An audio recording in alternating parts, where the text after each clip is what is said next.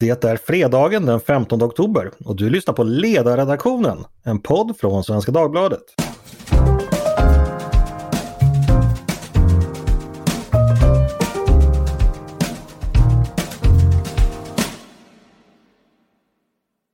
Varmt välkomna!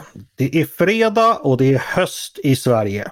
Mörkret äter långsamt upp allt mer av dygnets timmar.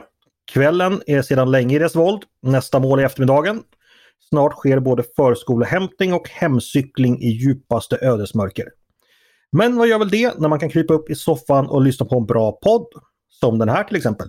Jag heter Andreas Eriksson och med mig har jag tre pigga ledarskribenter från Svenska Dagbladets oberoende moderata ledarsida. Det vill säga tre moderater och en folkpartistisk moderator. Kan det bli bättre? Paulina Neuding har vi med oss igen. Välkommen hit! Tack så mycket Andreas. Jag har aldrig varit moderat. Jag har, jag har varit folkpartist däremot. Men det är en ungdomssynd. Man är lite vänster när man är ung. Jaha, då ber vi om ursäkt för detta. Men du, hur påverkar höstmörkret dig? Jag tycker att det är mysigt. Jag tycker det är väldigt trevligt. Det är precis som du säger, man kan, man kan eh, läsa böcker och lyssna på saker och mm, liksom, göra saker i ett nedvarvat tempo. Det kan man verkligen. Maria Ludvigsson, välkommen hit! Tack så mycket. Hur har din vecka varit? Jag tror det skulle vara, hur är din moderata medlemskap? Ja, det kan jag också ställa. Hur ställer du dig till att jag kallar dig för moderat? Precis. Ja, det är sådär faktiskt. Jag har ju väldigt svårt för det här att vara partibunden överhuvudtaget. Jag, det var någon som sa, du är väldigt hård mot Moderaterna, men jag brukar, alltså jag kan säga att jag försvarar deras ideal mot deras egna kortsiktiga intressen. Ja, okay. Jag kanske gjorde bort mig fullständigt när jag kallade er för moderater då med andra ord. Ja, Men oberoende moderat ledarsida är vi i alla fall. Just det. det Mattias är den som har skrivit en bok för moderater. Exakt. Mattias Svensson kan vi passa på att presentera då också. Hej Mattias! Hej! Vad har du skrivit för bok för moderater? Miljöpolitik för moderater. Men den är inte bara för moderater? Och för alla andra och en lång undertitel. Ja, men, men, men kan du ta till dig epitetet moderat eller är du, vänder du också bort från detta? Ja, alltså eh, på ett sätt. Alltså precis som de gamla proggarna är man ju oberoende, men oberoende gentemot partiet. Och det partiet är ju alltid Moderaterna. Ja, när du talar om partiet, då är det inte som när jag och Paulina pratar om partiet, utan du tänker ju då på, på Moderaterna och inte något annat. Ja, där har ju jag mina ungdomssynder. Vad bra hörni. Eh, vi ska ju prata om veckans händelser. Eh, och vad vi har tänkt och tyckt om dem.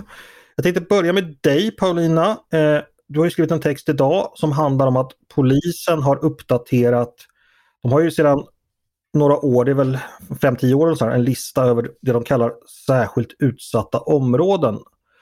Eh, och om detta och denna uppdatering skrev du idag. Kan du berätta lite om vad du tänker och tycker? Ja, konkret kan man säga att det kommer en uppdatering. Det brukar komma vartannat år och nu kommer den i eh, december.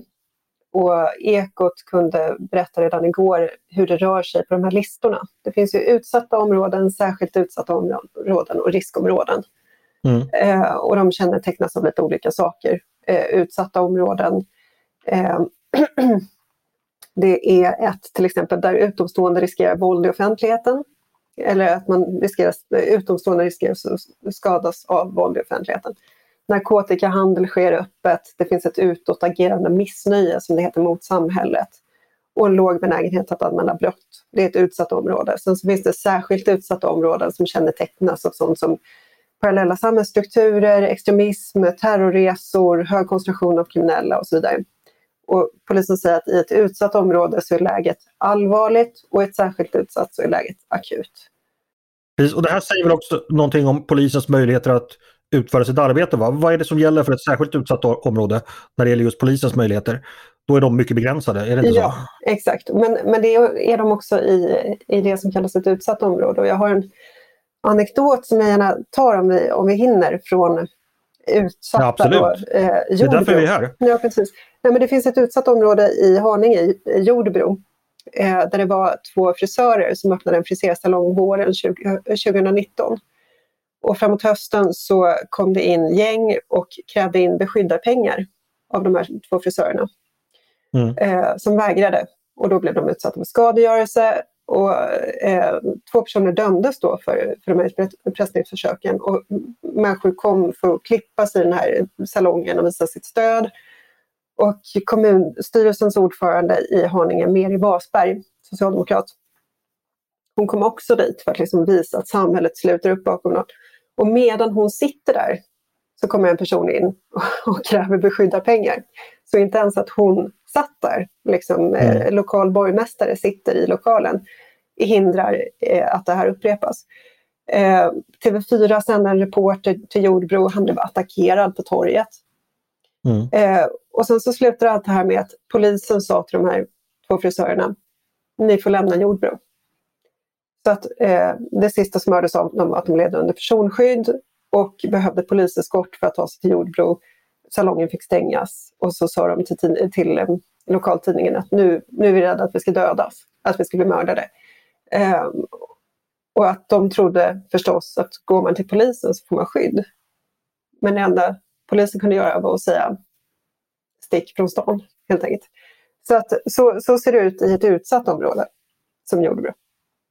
Det är ju så oerhört obehagligt det du berättar för att inte nog med att liksom läget är illa utan det är också så att vår sista försvarslinje då, liksom att, att mm. polisen ytterst, våld, samhällets, statens våldsmonopol utmanas på ett sätt Mm. Eh, även om de inte själva polisen kom till skada så kunde polisen helt enkelt inte skydda de här människorna i sin hemmiljö. Eh, Nej, det, det är så att de här gängen dominerar i ett sådant område. Mm. Och sen är det bara, man behöver bara fundera på hur många näringsidkare finns det kring, kring samma torg och eh, hur många av dem skulle våga stå upp när någon kommer in och kräver beskydda pengar av dem. Mm. Den här uppdateringen som gjordes, vad innebar den konkret? Var det några nya områden som tillkom eller var det några som försvann? Vet ja, det? det? var två stycken som försvann helt från listan. Eh, Ran Rannebergen i Göteborg och Klockaretorpet i Norrköping, inte med på listan överhuvudtaget längre. Men så tillkommer tre nya. Och det är bland annat, vi har ju hört mycket från Flemingsberg nu i sommar, det var ju två barn som blev skjutna eh, när de var ute och lekte en kväll till mm. exempel. Mm. Så, eh, två områden i Flemingsberg tillkommer och sen så är det Fisksätra i Nacka som nu bedöms som utsatta och sen så Vallsta i Sigtuna som blir riskområde. Så att det är mm. två steg framåt och tre tillbaka. Vad ska vi göra åt detta?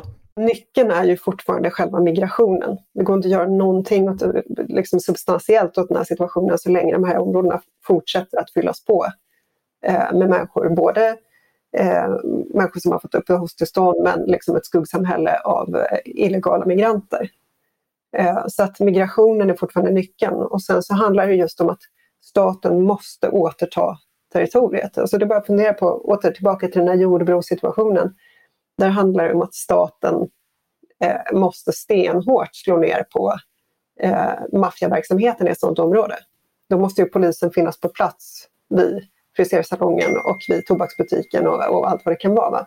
Men det kräver rätt mycket resurser. Men när du säger att migrationen är nyckeln. Eh, migrationen har, har ju minskat och säg även om inga fler människor hamnar i, i utanförskap eller lever i, alltså, kulturellt eller socialt eller ekonomiskt vid sidan. Situationen i sig som den är idag måste ju fortfarande lösas. Mm. Den är ju ohållbar. Finns det någon tror du idag som har den lösningen eller måste vi, är vi på okänd mark? Vi är, är absolut på okänd mark. Alltså det är inte okänd mark historiskt vad, vad, vad som sker när en maffia etablerar sig. Det finns massor med exempel historiskt från Italien och från USA och från liksom, eh, andra ställen. Så att eh, det man vet är att när, när den typen av röta angriper ett samhälle, då har man en, en lång och svår kamp framför sig. Jag har ju generellt väldigt svårt för de här solskenshistorierna. När man liksom Ehm, ehm, minsta lilla förbättring tolkas som att ja, men nu har vi hittat en lösning och nu, nu vet vi hur man gör. Nej, nej det, det är väldigt komplicerat, det kommer ta väldigt lång tid och det kommer det är många, många som kommer drabbas av det här under lång tid. Vi ska se om dina, eh, då, som du har rätt i, ganska mulna eh, nutidsbeskrivningar, om det kan kompletteras. Mattias tänker jag Eh, har du andra tankar än Paulina har om den här situationen eller, eller håller du med om den här dystra bilden som ges? Ja, alltså brottsutvecklingen är ju definitivt eh, den. Eh, alltså det var, det var kontroversiellt i början att, att kategorisera lägena eh, och, och liksom det här, men det är ju en typ av polisarbete som spridits eh, via forskning och annat där man konstaterat att just vi behöver kartlägga exakt var sker brotten och sätta in insatserna där. Men då handlar det ju om att vara eh, uthållig och ta just de här konflikterna som, som Paulina ger exempel på att man ger upp. Liksom. Ge, ger man upp de, eh, de striderna så, så är det förstås inget som egentligen förbättras. Eh, vi gjorde ju en sån kraftsamling i Södertälje för några år sedan mot just sådana här eh, nätverk. Eh, och, och det var ju en framgång man länge på, eh, pekade på, men det räcker ju inte med att vinna ett slag i ett, eh, ett sånt här krig. Eh, sen, sen, har ju jag tittat på, alltså Brå, Brå har ju ett antal rapporter kring, kring hur mycket av det här som är, hur mycket av parallellsamhällen i just de här utsatta områdena som är knutet till narkotikaförsäljningen.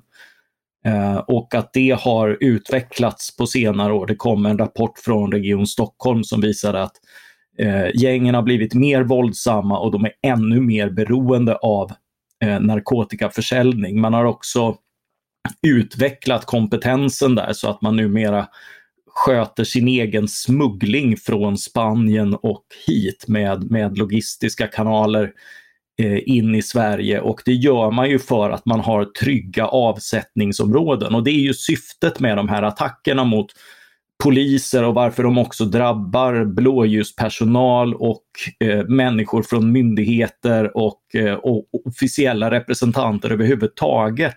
De här anspråken på att äga ett område handlar liksom inte bara om om någon slags liksom manlig eller kulturell tuppighet utan de tjänar också ett, ett organisatoriskt strategiskt syfte i att man, man får vara i fred med sin hantering som, som är liksom en, en stor industri och växande industri idag. Så, så, så, ser, okay. så ser läget ut och, och därför tycker jag det är allvarligt att man inte att man inte tittar mer på det här och hur polisen skulle kunna jobba bättre eh, mot det här. För vi har försökt liksom den här svenska förbudslinjen med liksom dels att kolla väldigt intensivt på på bruk och innehav, vilket, vilket under den här samma tid som liksom har krävt enorma polisresurser så lägger man mer och mer och mer resurser på detta. Okej, men det är alltså en alternativ väg skulle möjligtvis vara då att vid sidan av det Paulina beskriver att börja gå och titta på den svenska narkotikapolitiken. Ja, ja absolut. Därför att, alltså, vi bör absolut rekrytera fler poliser, men det tar tid och man kan inte hålla på man kan inte hålla på och börja fuska med kriterierna och få in en massa människor som inte passar och sånt där. Det, det är väldigt svårt att växa snabbare än, än organiskt, även om man naturligtvis kan bör, bör göra liksom vad man kan där.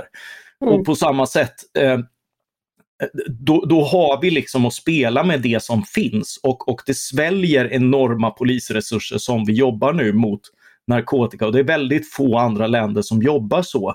Och regeringen vill inte ens titta på att, hur, hur det här har gått och vad, vad, vad vi har fått för väldigt strikta lagar på området. Och sen ännu mindre liksom att, att, att, att sälja på andra sätt som jag tycker definitivt borde över. Just det här att man inte ens tittar och överväger på det tycker jag är ju den, den stora ja, Jag vill jag anmäla avvikande uppfattning. Alltså, narkotika är farligt. Eh, om man legaliserar så kommer bruket öka. Vi vet att liksom, cannabis eh, har eh, massa långtgående effekter för folk som röker när de är unga och sådär. Så, så det, det, är farligt, det är ingenting vi ska släppa lös. Ja, absolut. Men jag, min poäng är att organiserad brottslighet också är rätt farligt. Mm, ja, Hörrni, får, får, får, får jag bara, eh, Paulina, du skämtade verkligen inte när du sa att du hade varit folkpartist. Det hör jag ju nu. eh, Paulina pratar om migrationen, Mattias vill släppa knarket fritt. Mia, jag får nästan ta in dig som, som förnuftets röst här. Vad, vad, vad, vad, vad tänker du när du hör de här två? Och, men däremot var ni ju ense om, om, situationens allvar och det kan jag säga till er kära lyssnare att jag har känt Mattias och Paulina länge och det är inte alltid de har varit ense om hur situationen har varit. Så, så att de är det, det, det, säger någonting om situationens allvar kanske. Men Mia, vad, vad är dina tankar om detta? Antingen kan jag säga så här, börja med att blidka Mattias då. Jag har ganska länge, redan innan det här var ett problem som kopplades till invandringen, så har jag engagerat mig i narkotikafrågan och jag, jag tror ju att den är helt felaktig så som man har hållit på hittills. Därför att där har målet alltid varit att man ska skapa den perfekta människan som inte är beroende av någonting och som sköter sig som hon ska och att man kan göra det med äldst statliga medel. Och jag tror att det inte funkar. Jag tror man måste, människan måste förändras inifrån och ut och kan inte göra det. Beirut var ju en som började eh, diskutera det här och beskriva hur man skulle göra för att få den rena, perfekta människan och samhället. Jag tror inte att man kan nå dit. Därför tror jag det är bättre att hantera det på ett sätt så att det blir snarare en vit marknad där man eh, kan reglera det på ett annat sätt. För att det farliga är när detta hamnar i en... Eh, narkotika är farligt, ja, men det är mycket som är farligt och att det är inte alltid som man blir av med det bara för att man eh, förbjuder det. Men att få in det i en vit marknad, det gör också att man kan lagföra människor på ett annat sätt. Man har också kontroll på vilka det är som är inne i detta, vilka vad behöver de hjälp med. Så det blir den svarta marknaden blir ju alltid dystrare och mycket, mycket råare än den vita. Så det för med sig eh, problem. Sen är det en annan, ett annat perspektiv på det här med vad som har hänt i Sverige och nu är det riktigt allvarligt och sådär. Jag tänker att vi har, Sverige kanske var det land som var sämst tänkbart rustat för att ta emot många, eh, många migranter.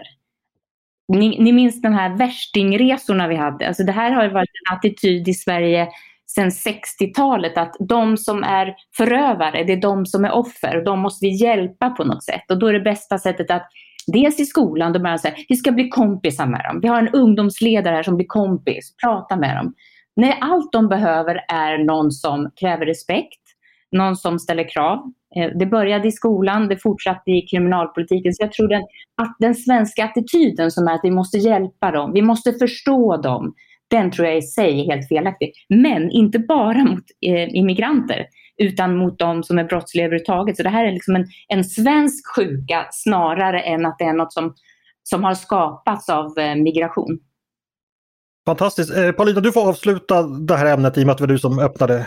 Eh, Mattias och jag har haft det här samtalet i åtminstone tio års tid där, där du har varit för en väldigt liberal migration och jag har varit för en mycket mer restriktiv migration. Och, eh, liksom, eh, utan, här, utan att låta taskig, liksom, här, du, du, fick din liberala migration och nu har detta lett till, till den här situationen och då vill du liberalisera drogerna. Och jag hade hellre haft en, en situation där vi inte hade haft den här väldigt stora invandringen, inte fått de här jättestora integrationsproblemen och inte sen behövt diskutera om vi ska legalisera droger för att slippa skjutningar och sprängningar i den omfattning vi har fått nu.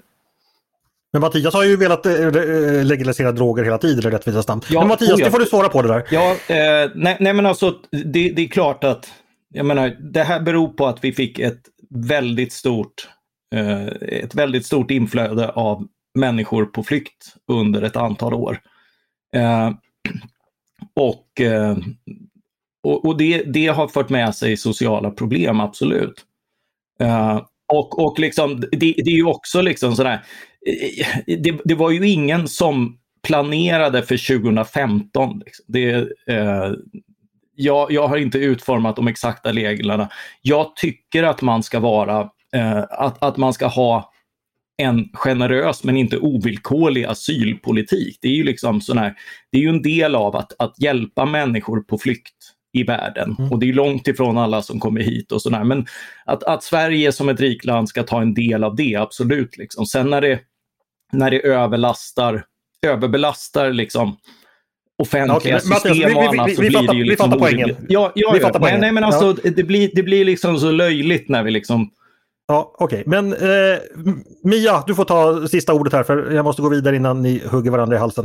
Eh, nej, det gör vi inte. Jag tror vi äntligen börjar diskutera det här. Det är jätteviktigt därför att det här är inte bara en diskussion som uppstår nu utan detta är precis som både Paulina och Mattias beskriver att det här är ju saker vi har tyckt olika om redan långt innan vi hade en hög invandring.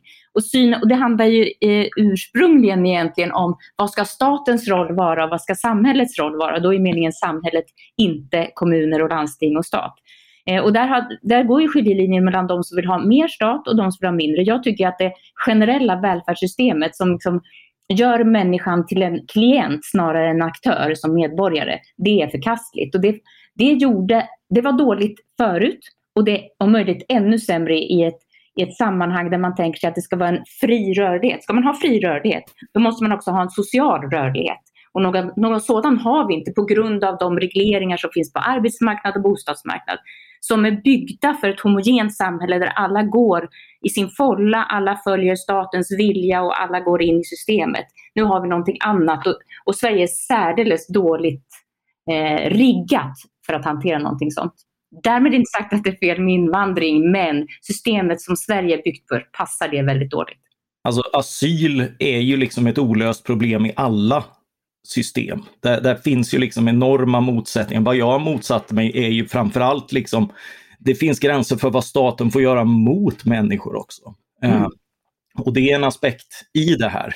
Uh, att, att liksom, vad gör vi mot människor som, som liksom försöker fly undan, undan desperata situationer?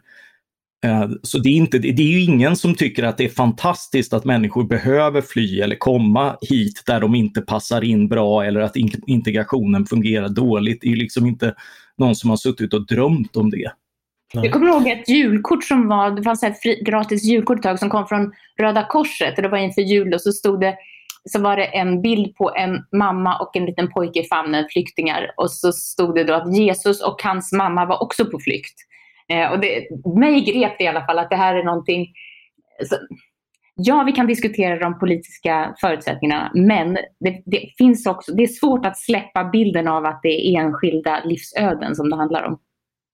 Det är det såklart. Alltså, vi kan ju se, nu, nu, vi kommer ju inte lösa den här frågan i vår lilla grupp och det här är ju frågor som hela det svenska samhället har brottats med i ett par, ganska många år nu. Vi, vi har ju svårt att komma vidare. Alltså, det lilla landet Sverige inför de stora skeendena i världen eh, som mm. påverkar oss. Där det är stora värden som står på spel. Ja, men vi är ju inte närmare någon egentlig lösning. Alltså vi, vi, har, vi, vi har lyckats skjuta problemen ifrån oss och det var, det var förmodligen rätt givet liksom den situation som uppstod, inte minst 2015. Det blev en, en överbelastning av just asylmottagning. Eh, det går inte att som ensamt land föra en politik som är alldeles avvikande från, från vad alla andra gör. Men, men däremot, jag menar, för några år sedan så diskuterade man liksom Australiens modell eller hjälp i närområdet och sådär. Men, men det är inte som att Turkiet vill ta emot fler för närvarande som är i närområdet. Eller, och det är inte som att Australiens pro, eh, modell är liksom problemfri. De har fått lägga ner en massa av de här lägren de hade och sådär. Så den här bristen på lösningar gäller ju liksom, det gäller i stort sett alla som var tvärsäkra för, för fem, sex år sedan så är det nog. Hörni, jag tycker vi ska gå vidare eftersom jag tror inte några minuters extra tid kommer föra oss så mycket närmare lösningen och vi har många andra eh, saker att diskutera också. Vi ska vara kvar lite på ämnet. Jag tänkte vända mig till dig Mattias. Det var ju så att eh, Brå har kommit med en rapport som heter Nationella trygghetsundersökningen som görs varje år. Där man försöker mäta brottslighet som du har skrivit lite om. Eh, det som är intressant med den är att man inte tittar på vem som anmäler brott utan man frågar helt enkelt folk om man har blivit utsatt för brott. Eh, vad har du att säga om det Mattias? Ja, det här är ju en eh, undersökning som har gjorts ett tag och eh, den visade ju då för, för i år en liten nedgång i, i brottsligheten. Och eftersom den här det, har, det, blir ju såna här proxy-diskussioner kring migration när det gärna handlar om liksom empiriska bilder av om, ja, men om sånt, frågor om brottsstatistiken och hur den utvecklas har blivit en sån här, liksom, är du för eller emot invandring-fråga? Och det är ju rätt, det blir ju rätt löjligt därför att empirin finns ju där. Mm. Så när, när vi då såg en liten minskning så såg man då en rätt förutsägbar eh, reaktion då att liksom vad, vad är ni bekymrade över? Varför ska ni hålla på och prata om, om brottsligheten som ökar, vilket den gör och sådär. Därför att det, det kodas då som att eh, ja, eh, liksom, då följer ett helt åsiktspaket om, om migration och, och kulturfrågor och sånt där. Och ytterst om ondhet och godhet, hur man nu definierar det. det ja, ja om, om, man, om man vill bry, bry sig om det metanarrativet, vilket många förstås gör. Eh, men det, faktum var ju att ja, det var, det var en minskning, men vad berodde den på? Och det var ju väldigt tydligt när man, när man läste den här rapporten att ja, det har varit en pandemi och vi tror att, att liksom eventuella förändringar framförallt beror på den. Mm. Eh, och när jag avsåg då, mätningen avsåg då, man frågade folk i år hur de hade, vad som hade hänt under 2020 då. Vad, Ja. och, och, precis.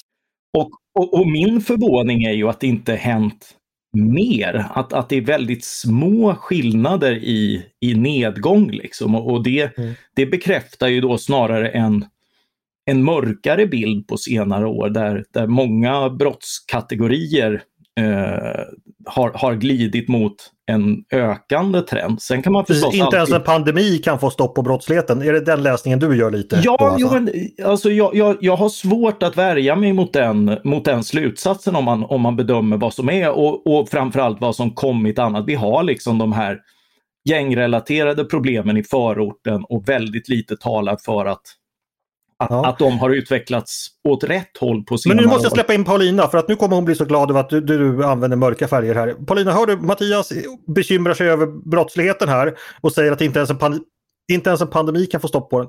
Nej, helt allvarligt, eh, det, det Mattias säger tycker jag är intressant och du ska få kommentera det också Paulina, det här med att vi väljer att tolka och plocka och cherrypicka eh, ganska enkla basala eh, statistiska data ute efter liksom stora narrativ. Känner du också igen det, att det, det förekommer väldigt mycket? Är det exempel på de här ljuspunkterna eller success stories som du var känslig för? Mm. kanske? Eh, jag såg också de där reaktionerna på Twitter att haha, brottsligheten minskar ju, vad håller ni på att prata om? I ett land som har haft 60 bombdåd hittills i år. Alltså när vi pratar om normalisering av våld så brukar vi prata om eh, nära relationer, alltså kvinnor, eh, det, det blir normalt det de lever under och de minns ingen annan verklighet. Alltså att, att det här har blivit normalt. Att vi har högsta andelen skjutningar av 22 jämförda europeiska länder. Förut så var det Kroatien var värre än vi. Eh, men även detta Balkanland går alltså om ett skandinaviskt välfärdsland i, i mängden skjutningar, eller andelen skjutningar. Eh, alltså, eller skjutningar per befolkning.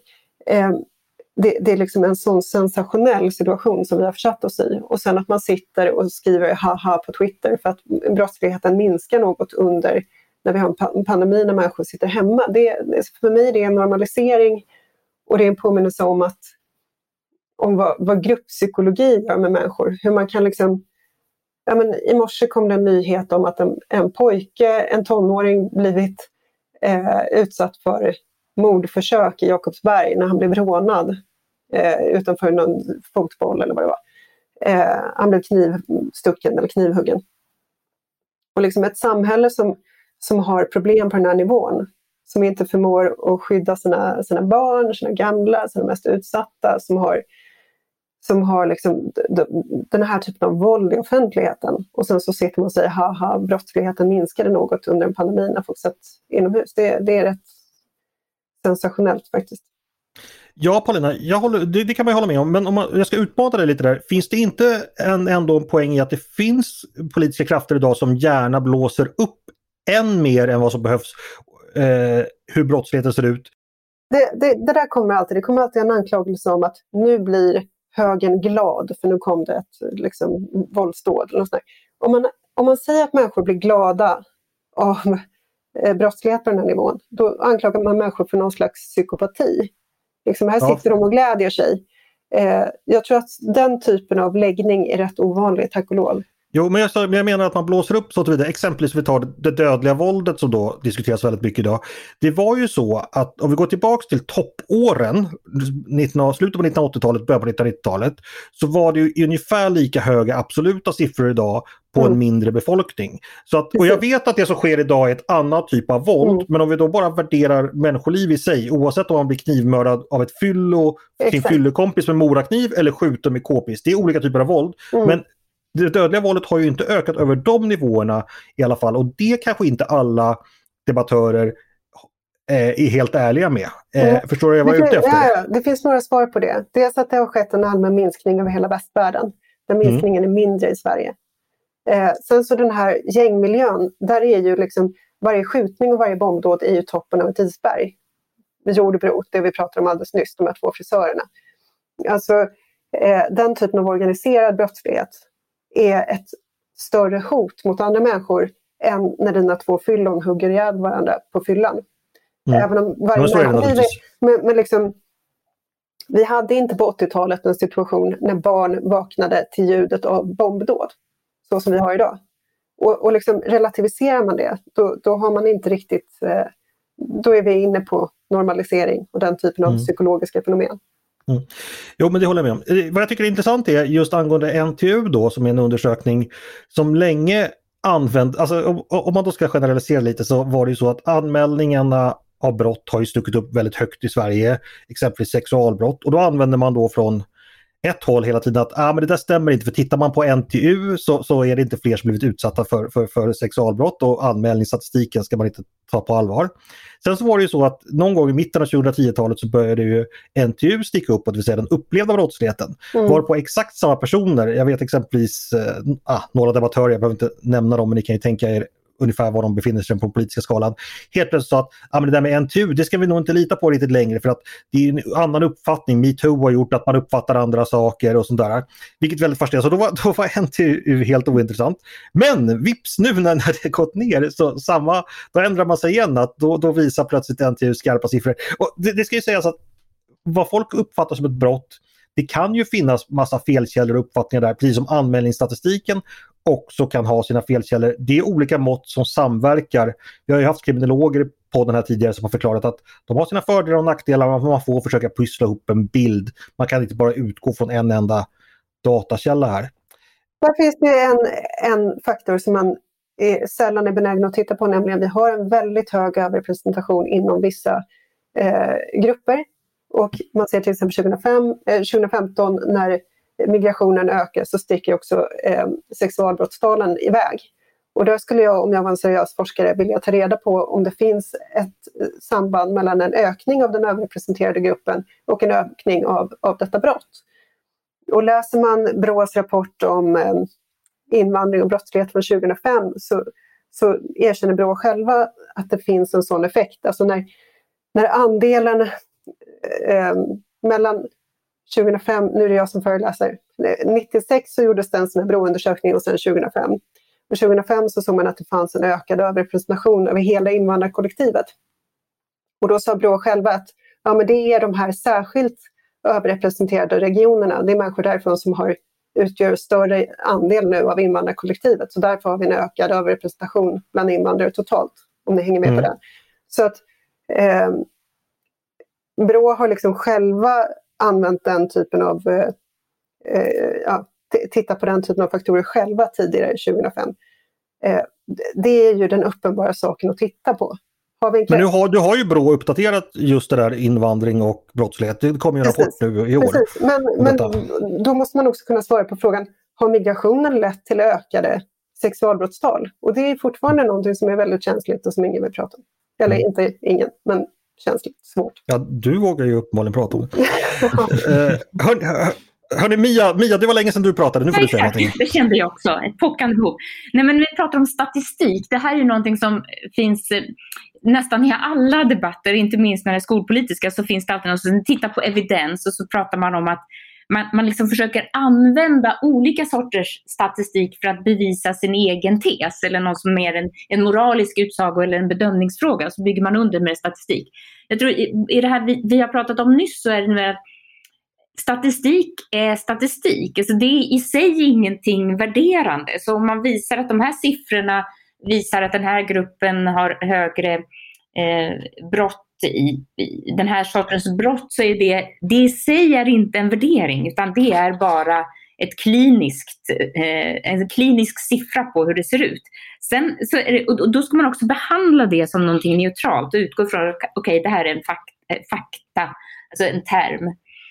Det vi saknar däremot när vi sedan ska diskutera vad gör man åt det här och det är mer av värderingar och moral. En, grundläggande syn på vad som är rätt och fel. Var går gränsen mellan den mänskliga förmågan och politikens förmåga? Där är vi däremot helt ute och kör. Där har vi jättesvårt. Och då tycker jag, då tenderar vi att istället dra in då de, den statistik som för tillfället underbygger just min tes om vad som är rätt och fel istället för att ska vi säga, mer idéburet eller nästan filosofiskt kunna förklara varför tycker jag som jag gör.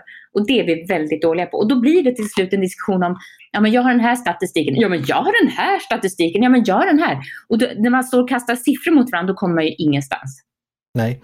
Man kan säga så här att eh, vad har Ali Esbati, eh, Tino Sanandaji och jag gemensamt? Det är att vi alla tre har lärt oss statistik av Håkan Lyckeborg, universitetslektor på Handelshögskolan. Aha, eh, men vi, ja, och ändå använder ni den olika. Ja, ändå använder vi den olika, exakt. Eh, ja, detta om statistik. Vi kanske får göra en statistikpodd här och bjuda in Håkan så får han lära oss alla hur det egentligen ska vara. Hörni, vi ska gå vidare. Eh, Mia, du har ju kommit du, var, du hade en kul idé. Du ville nämligen berätta om en, inte någonting du själv har skrivit utan vad någon annan har skrivit, nämligen en bok du har läst. Varsågod. Det jag har läst nu, det är Stina Oskarssons senaste bok som heter Det perfekta plåstret. Och det, vad kul. det är någonting så ovanligt som en, både en vacker bok, den, den, ser ut i skrift som om det skulle vara en diktsamling, men det är det inte, utan det är mer ett, ett antal tankelappar som egentligen beskriver hennes resa från att tro på politiken till att tro på människan, som hon uttrycker det. Jag skulle, jag skulle beskriva det som att en, en socialists övertygelse om att staten kan fixa människan till att bli, snarare gå mot det neoliberala hållet där man inte tror på politiken men tror på civilsamhället. Hon, Stina gjorde ju en eh, serie i SvD Kultur där hon intervjuade personer som stod, står i kö utanför Klara kyrka. Alltså de som, har, som står längst ner på vår mänskliga stege. Eh, och de pratade hon med. Hon var genuint intresserad av var och en av dem. Och mm. hon beskriver är just detta att eh, hon trodde inför det här projektet att hon skulle dra slutsatsen att det behövs mer välfärdsstat, välfärdsstaten är inte bra nog, vi måste fixa den lite till. Hon säger att jag kom fram till precis raka motsatsen. Den kan inte göra någonting. Det är bara medmänsklighet och, eh, och civilsamhälle som kan hjälpa de här människorna. Så det här har hon skrivit om på sitt sätt. Vill ni att jag ska läsa någonting? Det vore jättetrevligt. Ja. Mm, hon har ju lite att avslöja, för hon har ju också varit ivrig och stenhård i viljan att diskutera och samtala med alla, och för det har hon fått mycket kritik. Eh, hon hade på olika folkbildare och var på olika bibliotek och diskuterade då om allt från höger, ytterhöger till yttervänster. Och till slut så blev hon då deplattformerad som det heter. Hon blev inte inbjuden längre. Man ställde in hennes arrangemang därför att Sverigedemokrater var inbjudna att diskutera med henne. Mm-hmm. Eh, och det här har ju, det, det, fick väl henne också att förstå att det var liksom inte vänstern som hade svar. Nu ska vi se.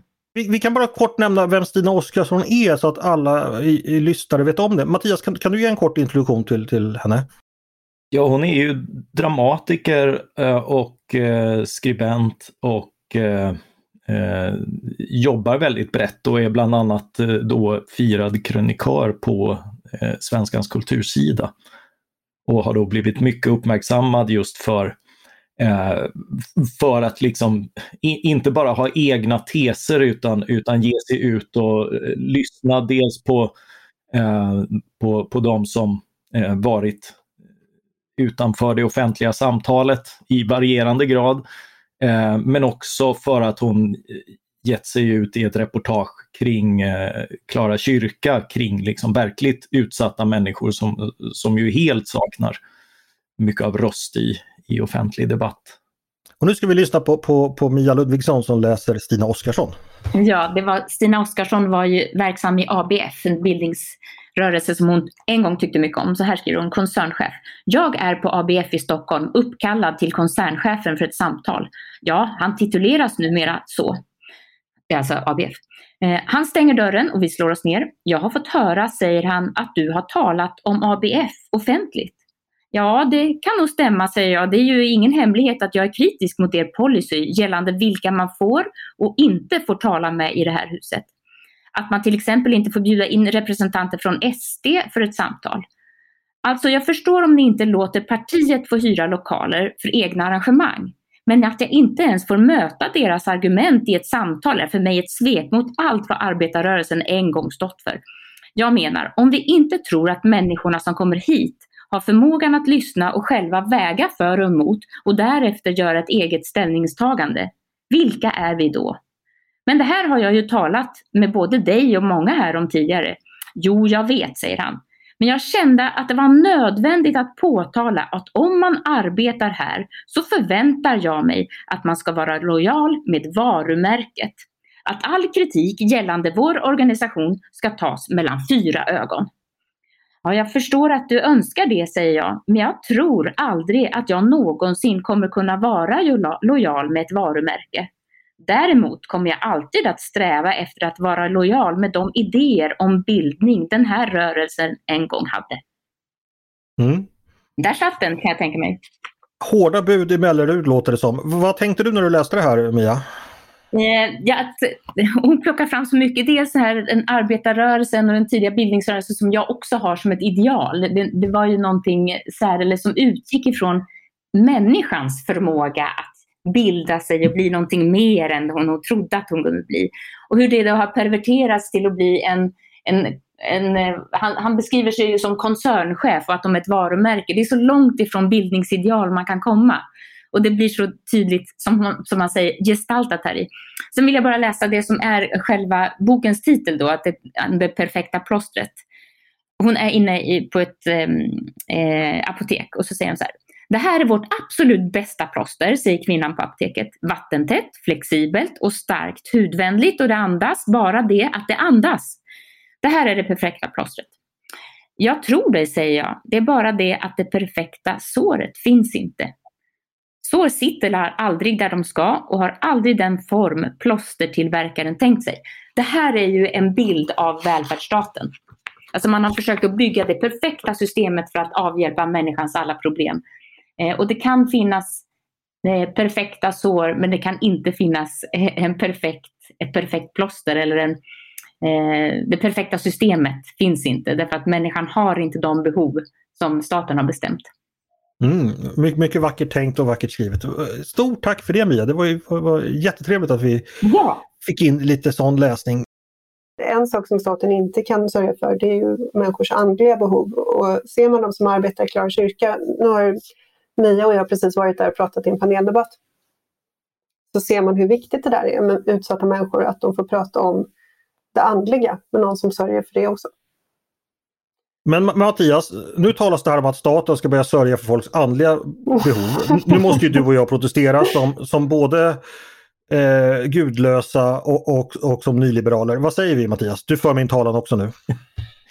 Ja, alltså det, det tenderar ju att vara sin, sin egen belöning och liksom dygder växer av sig själva och likaså andliga behov. Att, att det, det blir så futtigt att liksom sitta med politik och peka ut allting och hela den här föreställningen om att liksom ingenting är viktigt på riktigt om det inte är politik. Som om det inte hände liksom alla fantastiska saker i ens liv eller annat om, om det inte fanns en politik för det. Eh, och, och jag, jag, har mött den här eh, diskussionen på så många sätt. Liksom, att om, om du inte har en politisk lösning, om du inte är inne och petar så bryr du dig inte om det. Men jag menar, eh, andlighet, men, men just också eh, vardagsliv, eh, livets enkla nöjen till liksom de stora händelserna i livet när vi, när vi gifter oss, när vi får barn och sånt Liksom det, det, är ju, det är ju händelser utanför. Det är klart att det finns politiska system där på en eller annat sätt men, men det finns ju inte en politisk vägledning och ska inte finnas det heller. Eh, och, nu är du nästan inne på alkoholpolitiken igen tycker jag det låter som. Eh, ja, bland annat. Jag menar, det är ju, det är ju också en andlig upplevelse. Det, det, det, har ju liksom, alltså vi är sociala varelser, vi finner mening och tröst och lycka i sociala sammanhang. Och att blanda politik i det är ofta, eh, är, är, ofta liksom, även där man försöker och även med de bästa intentioner så blir det väldigt futtigt vettigt. Jag mött någon debatt om arbetslivet nu där, där liksom uttrycket för att vi ska se varandra i arbetslivet är att, att liksom, ja, men vi sätter en gräns för hur många gigjobb det blir. Liksom. Ja, då, då signalerar man omtanke men jag, jag, menar, ser man människor mer då? Liksom? Det, mm. det Stina tar upp med liksom det här koncern och varumärkestänkande i liksom offentliga eller semioffentliga verksamheter. Det är ju verkligen en av anledningarna till att folk avskyr marknadsekonomi och sånt nu. Därför att man, man tar till sig liksom det sämsta av de här formerna, liksom en, en peppig säljpitch och, och, och affärslingo och, och unnar sig en rejäl lön och liksom begär, begär liksom tystnad och lojalitet utåt av, av hänsyn till något jäkla varumärke. Liksom. Det, så folk det, tror att de avskyr marknadsekonomi men i själva verket så avskyr de ABFs version av marknadsekonomin? ja men det, det, finns ju en sån där liksom, alltså, eh, marknadsekonomi handlar ju i grunden om att få välja sin väg och, och, konkurrens och institutioner och annat. Det kan ju inte heller fylla liksom hela tillvaron sådär. Och, och när vi ser att det fyller att, att marknadstänkande fyller för mycket av, av sin tillvaro så märker vi hur också det blir väldigt tomt och, och eh, eh säljigt och peppigt och sånt Liksom. Och, och, men, men, men det är just det, jag, jag, jag tror, jag tror att det, hon, hon, är någon, hon är verkligen någonting på spåren med det här. Det är samma universitet som liksom nu har Eh, liksom, eh, fått policies för allt möjligt och sådär för de är så oroliga. Och det handlar ju delvis om att vårda varumärket och sådär. Det blir så bekvämt att vara, vara chef i en sån organisation men det förfelar ju liksom organisationers etik som faktiskt har ett annat uppdrag än, än liksom intäktsmaximering. Nu ska jag vårda vårt varumärke som säger att man inte ska behöva lyssna på ledarredaktionen i 3-4 timmar i stöten. Utan det ska vara en någorlunda sammanfattning av veckan. Och då tänkte jag att vi ska övergå till veckans sista ämne. Eh, det är ju så att i början på veckan så var det så att eh, regeringen höll, var värd, Sverige, Malmö, var värd för en konferens om antisemitism och minnet, eller, ja, minnet av förintelsen helt enkelt. Där folk från, eh, ja, folk från hela stora delar av världen var inbjudna. Några av dem dök faktiskt upp också och pratade om detta. Eh, tänkte vända mig till dig Paulina. Du har ju skrivit både om Malmö och om antisemitism och hur, hur svenska politiker har förhållit sig till det. Vad är dina tankar kring den här eh, konferensen och, och dess, eh, vad som har skett runt den? Ja, jag tror att det är, vad jag förstår så är det många akademiker, experter som har varit på plats. Man, det är många förintelseöverlevande, så själva det här Eh, hågkomsten av förintelsen, där tror jag att en sån sak kan betyda en del. Ehm, sen så påminner man ju om hur situationen är i Malmö, alltså de avspärrningar som krävdes och liksom brunnslock som fick svetsas fast för att ingen skulle använda brunnar till, eh, till att göra terror, begå terrordåd. Alltså det är, ett, det är ett helt annat Malmö än vad många av de här förintelseöverlevande kom till 1945. Det påminner om hur, hur allvarlig situationen har blivit där. En sån här konferens, är det, är det, är det ett sätt liksom att skyla över det här misslyckandet på något sätt? Kan man tala i sådana termer? Eh, det är ett sätt att eh, försöka framställa sin, eh, vad man har gjort och eh, sin, sin, insats och sin gärning i en eh, bättre dager såklart. Även om det inte kanske jag tror inte om Stefan Löfven att han har den typen av sinistra syften utan eh, alla jag pratar med eh, som vet någonting om det säger att han har ett väldigt genuint engagemang för att bekämpa antisemitism. Problemet är att det inte har, det har inte varit hans gärning utan den här situationen har ju försämrats avsevärt i Malmö. Och bara ta en sån sak som för några år sedan att 200 personer kan samlas på torget i Malmö och skrika vi ska skjuta judarna. Eller eh, ja, det här avslöjandet som Uppdrag granskning hade när man lät två reportrar gå in i Rosengård 2015 med judiska symboler. Och de blev utjagade därifrån i liksom en kollektiv insats från boende. Så att situationen är väldigt allvarlig och genom att inte tala om hur det här hänger samman med eh, migrationen eh, och, och liksom inte tala om det på allvar och på djupet så kan man inte åstadkomma speciellt mycket tror jag. Mm. Jag tänkte en väldigt skrämmande bild som jag tror ni också har sett, det var ju det här med att i, eh, i stadsarkivet, alltså Malmös kommunala stadsarkiv så hade man då inför konferensen lagt fram eh, lite litteratur om jag vet, minns, vet inte exakt vad det var för böcker, men det hade med, med antisemitism det var, Nej, det var judisk historia i Malmö. Judisk historia i Malmö. Ja, och judiskt liv i Malmö. Så det var, det var otroligt... Eh, ja, och alltså, I kommunens egna skyltfönster så hade då alltså personalen lagt en filt över detta så att det inte skulle synas ut. Alltså de hade helt enkelt täckt över de här judiska symbolerna för att man upplevde att det fanns en sån risk att fönstret skulle bli, bli, att skulle bli skadegörelse helt enkelt. Och det var ju en, alltså, jag måste säga att det, det är sällan jag låter mig imponeras av liksom känslomässiga bilder men där sög det verkligen tag i min mage att vad är det för någonting här egentligen? Alltså, det, den, den, det är skrämmande. Det är en bild som man aldrig glömmer. Jag har twittrat den om det är någon som inte har sett den så kan ni ja. eh, kolla på min Twitter. Det är alltså en, ett lila tygstycke som ska dölja Mm. In, inte en Mohammed-karikatyr, inte någonting som kan upplevas som förargligt utan det är två eh, det, det, är ett antal boktitlar om judiskt liv och judisk mm. historia. Mm. Och det är alltså kommunen själv som har gjort detta? Det är alltså kommunens egen lokaler? Det är kommunen själv som har gjort det. Ja. Eh, Mattias, eh, väldigt dyster bild naturligtvis som Paulina målar upp. Eh, hon talar också om eh, orsaker i form av eh, migration. Vad tänker du kring detta? Eh, jo, men det är ju otvetydigt så att det finns, eh, det finns rasistiska och antisemitiska uppfattningar hos eh, de invandrargrupper som kommer ifrån Mellanöstern eh, och, och den konflikt som har eh, av en massa politiska orsaker götts där.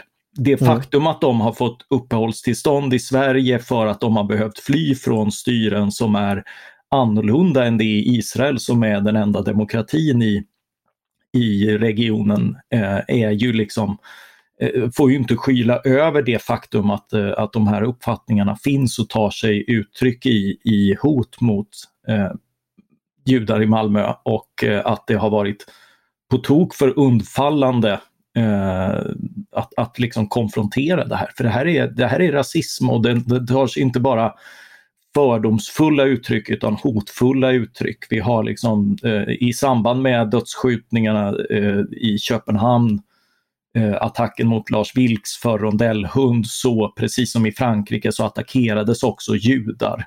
En, eh, en bar mitzva var det var i synagogan. Uh, mm. Och uh, det är ju liksom, det, det, finns ett sånt hot mot, mot, mot människor för att de är judar Eh, och det frodas bland annat i de här grupperna. Eh, och det kan man förstås inte eh, blunda Det finns ju politisk för. förhistoria också här när det gäller det socialdemokratiska styret i Malmö. Mm. Eh, Paulina intervjuade ju eh, Malmös mångåriga politiska ledare eh, Ilmar Reepalu, eh, det är väl snart tio år sedan nu, där han kom med, med, med de mest häpnadsväckande uttalanden. Dels att han inte tog antisemitismen på allvar, men han påstod då bland annat att den judiska församlingen var, var infiltrerad av Sverigedemokrater och det var därför Precis. Eller exakt vad var det han sa Paulina? Det, det, var något fullkomligt vanvettigt verkligen. Ja men att, att det fanns liksom skurkar på båda sidan. Och, ja. båda sidor. Å ena sidan det här med antisemitismen och å andra sidan så var ju Malmös judiska församling infiltrerad av SD. Så det var ju lite mm. samma sak på båda sidor. Det, det var, det han antyder ja, väl även att eh, det här får man ju faktiskt räkna med som jude med tanke på vad den israeliska staten håller på med. Ja, det, det och det, i samband med den här eh, bojkotten mot en match, det, det, är också, det låg i en tennismatch för länge sedan. Och sen minns jag ju också att eh, SSUs ordförande, jag vet, minns inte om det var i Malmö eller om det var i Skåne, som förklarade att det här med att man sjöng krossa sionismen, det vill säga alltså krossa den judiska nationalismen, det var någonting som man alltid sjöng inom arbetarrörelsen. Det var absolut ingenting konstigt. Och det var liksom på högsta nivå inom ungdoms... Alltså, alltså den politiska historien, den har ju... Ja, vad säger du Paulina? Det, det, det måste ju ha spelat en roll också i detta. Ja, det är klart att det gör. Eh, och, och framförallt att man inte då är beredd att säga...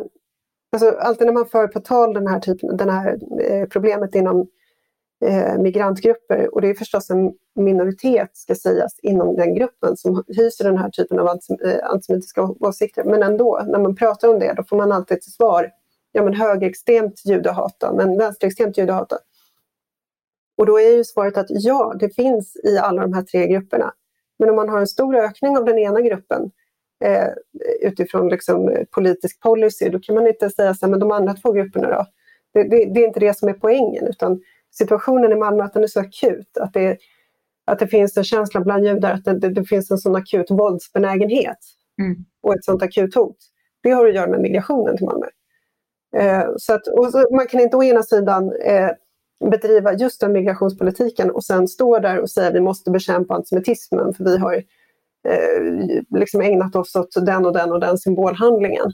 Precis, framförallt så måste man ju, om man nu haft den här migrationspolitiken så måste man ju vara tydlig med att Alltså det är inte finare med antisemitism för att det kommer från en, en muslimsk eh, statsfinansierad form det är liksom, man får ju förstå deras bakgrund, så varför ska man förstå den om man inte förstår den i andra sammanhang? Jag, jag kan bli väldigt upprörd över vänsterns tendens att försvara dem eh, som kommer hit med antisemitism, eh, som att det inte var lika illa, för man måste ändå förstå deras bakgrund. Mm. Det, det, är en ganska obehaglig tankefigur faktiskt att vissa människor så att säga, ja, föds till rasism eller vad det nu blir. Det, det, det är ju i sig en ganska stereotyp. Men är, man gör sig ju dum om man liksom inte tittar på varifrån alltså hoten och sånt kommer ifrån. För då kan man ju inte heller åtgärda. Det är samma känslighet kring eh, det här som Paulina har tagit upp med, med sexuella övergrepp. Det är förstås inte alla som är förövare långt ifrån, men, men om det finns en överrepresentation i grupper så måste man ju våga konfrontera det, för hur ska man annars göra någonting åt det? Mm. mm. Dyster avslutning på det här samtalet. Nu, nu börjar det nästan bli dags att knyta ihop trådarna. Paulina, vill du säga någonting ytterligare eh, just i och med att du har skrivit så mycket om Malmö? några andra tankar som detta har fött hos dig? Ja, att vi, det, är så, det finns en sån benägenhet att prata i symboler och prata i solskenshistorier. Alltså det verkar finnas ett behov av att säga ja, men vi, vi, när som helst nu så har vi vänt utvecklingen därför att vi hade den här mänskliga kedjan runt synagogan eller vi satte upp hjärtan på synagogan eller vi har haft kippavandringar. Vi har liksom, vilken sekund som helst nu så kommer det vända. Och, sen så, och det här är vad man har sagt i tio års tid. Eh, och, och sen så det liksom finns en så här, det kommer ett reportage om judar som lämnar Malmö och, och, och så säger man att ah, det här kan vi aldrig acceptera och, och, och så vidare. Och sen så låter man det bara fortsätta. Mm.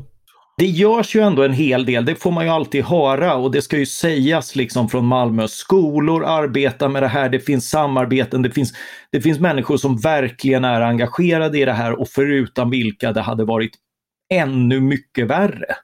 Så är det. Det är, ju, det är ju, alltså nej, utvecklingen måste beskrivas för vad den är, men den måste ju också beskrivas i, i termer av att nej, det finns kamper man aldrig får ge upp och det här är en av dem. Mm. Det får bli avslut igen Mattias, för det var väldigt bra. Eh, jag tänker så här att jag började den här podden med att prata om att vi hade höstmörker omkring oss. Eh, samtalet kännetecknades ganska mycket av mörker. Det var antisemitism, det var kriminalitet och det var ABFs varumärke. Så det, det var, ju, det var ju dystert. Det, vi kanske får ta den här podden då som en... Eh, att nu gick vi ner oss lite i mörkret och så får vi försöka, vad en Paulina säger om solskenshistoria, vi får försöka vända ansiktet uppåt och göra morgondagen till en bättre dag. Det är i alla fall min förhoppning. Hörrni, tack för att ni kom och pratade med mig. Eh, tack Paulina! Tack så mycket, ursäkta att jag drog ner stämningen. Nej men du, du lyser alltid upp den med, med, oh. med, med, med, med, annat, med din blotta uppenbarelse. Eh, Mattias, tack för att du kom! Ja, tack så mycket. Mörker är ju mysigt som sagt. Det är bara att ta det med en god bok. Och tack du också Mia för att du kom och pratade med. Och tack till er som har lyssnat på oss. Eh, det blev väl ganska långt den här gången misstänker jag. Eh, det ni har lyssnat på är i alla fall Ledarredaktionen, en podd från Svenska Dagbladet.